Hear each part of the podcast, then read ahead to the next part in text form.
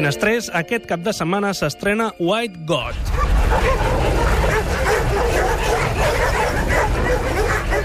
Aquesta estranya cinta hongaresa post-apocalíptica plena de gossos escapats d'una gossera i escampats per la ciutat en plan Origen del planeta de los simios, i que el seu títol és un joc de paraules barra homenatge a un altre film anomenat, en lloc de White God, White Dog, perro blanco. El hombre que lo tenía, ¿cómo hizo de él un perro racista?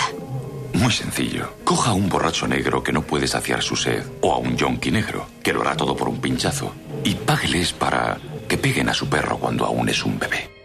polèmica i impactant pel·lícula rodada a principis dels 80 i dirigida pel gran Samuel Fuller, sobre un gos blanc entrenat per matar negres.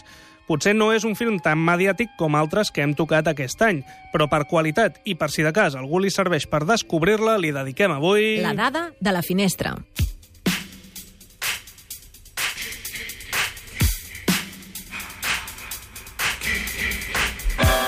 El film, per increïble que sembli, està basat en un fet real. Jean Seberg, actriu de films com Aeropuerto o La leyenda de la ciutat sin nombre, va recollir un gos blanc del carrer i amb el temps se'n va donar que el gos atacava a la gent de color i que probablement estava ensinistrat per fer-ho. El marit de l'actriu era l'escriptor Roman Gary, que va acabar escrivint la novel·la en què es basa la pel·lícula.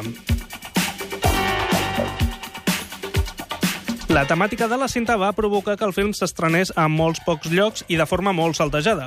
A Estats Units només es va poder veure durant molts anys a sales especialitzades i no s'ha editat en DVD fins al 2008. Deien que el film era racista, quan en realitat era tot el contrari. I a més a més estava basat en un fet real, de manera que el boicot era una mica absurd. El director Samuel Fuller compara aquesta situació de no poder estrenar el film amb tenir un fill i que el tanquin a una presó de màxima seguretat per tota la vida. Les pressions per aquest film van ser tan fortes que va haver de mudar-se a França temporalment. Aquell va ser el primer país on es va estrenar comercialment l'any 82. A l'estat espanyol no es va poder veure fins que es va passar al Festival de Barcelona.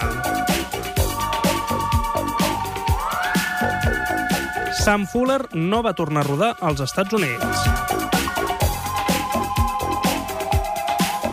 Sam Fuller tenia una mica d'experiència amb gossos entrenats per matar degut al seu pas per la Segona Guerra Mundial i als gossos nazis que per allà corrien. Va ser idea de Krista Lang, la dona de Sam Fuller, contractar com a compositor del film a Ennio Morricone. Es van utilitzar cinc gossos diferents per donar vida al gos protagonista. Aquest film havia de ser el film de debut de Tony Scott el 1980, però es va endarrerir i a canvi va acabar sent dels últims de Sam Fuller. Roman Polanski també va sonar pel projecte. Curiosament, un altre director que va ser desterrat, però en circumstàncies ben diferents.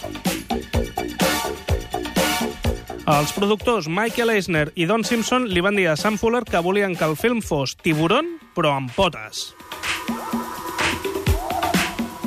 En el guió original, la protagonista reprogramava el gos perquè ataqués a la gent blanca, com succeïa al llibre, però Sant Fuller va decidir que n'hi havia prou amb que deixés d'atacar els negres.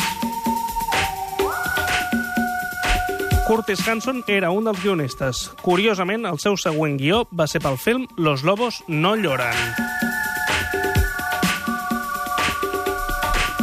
Un pas endavant, ara o mai, al fons. El Xevi ho diu claríssimament. Dani Rovira és el millor de la pel·lícula.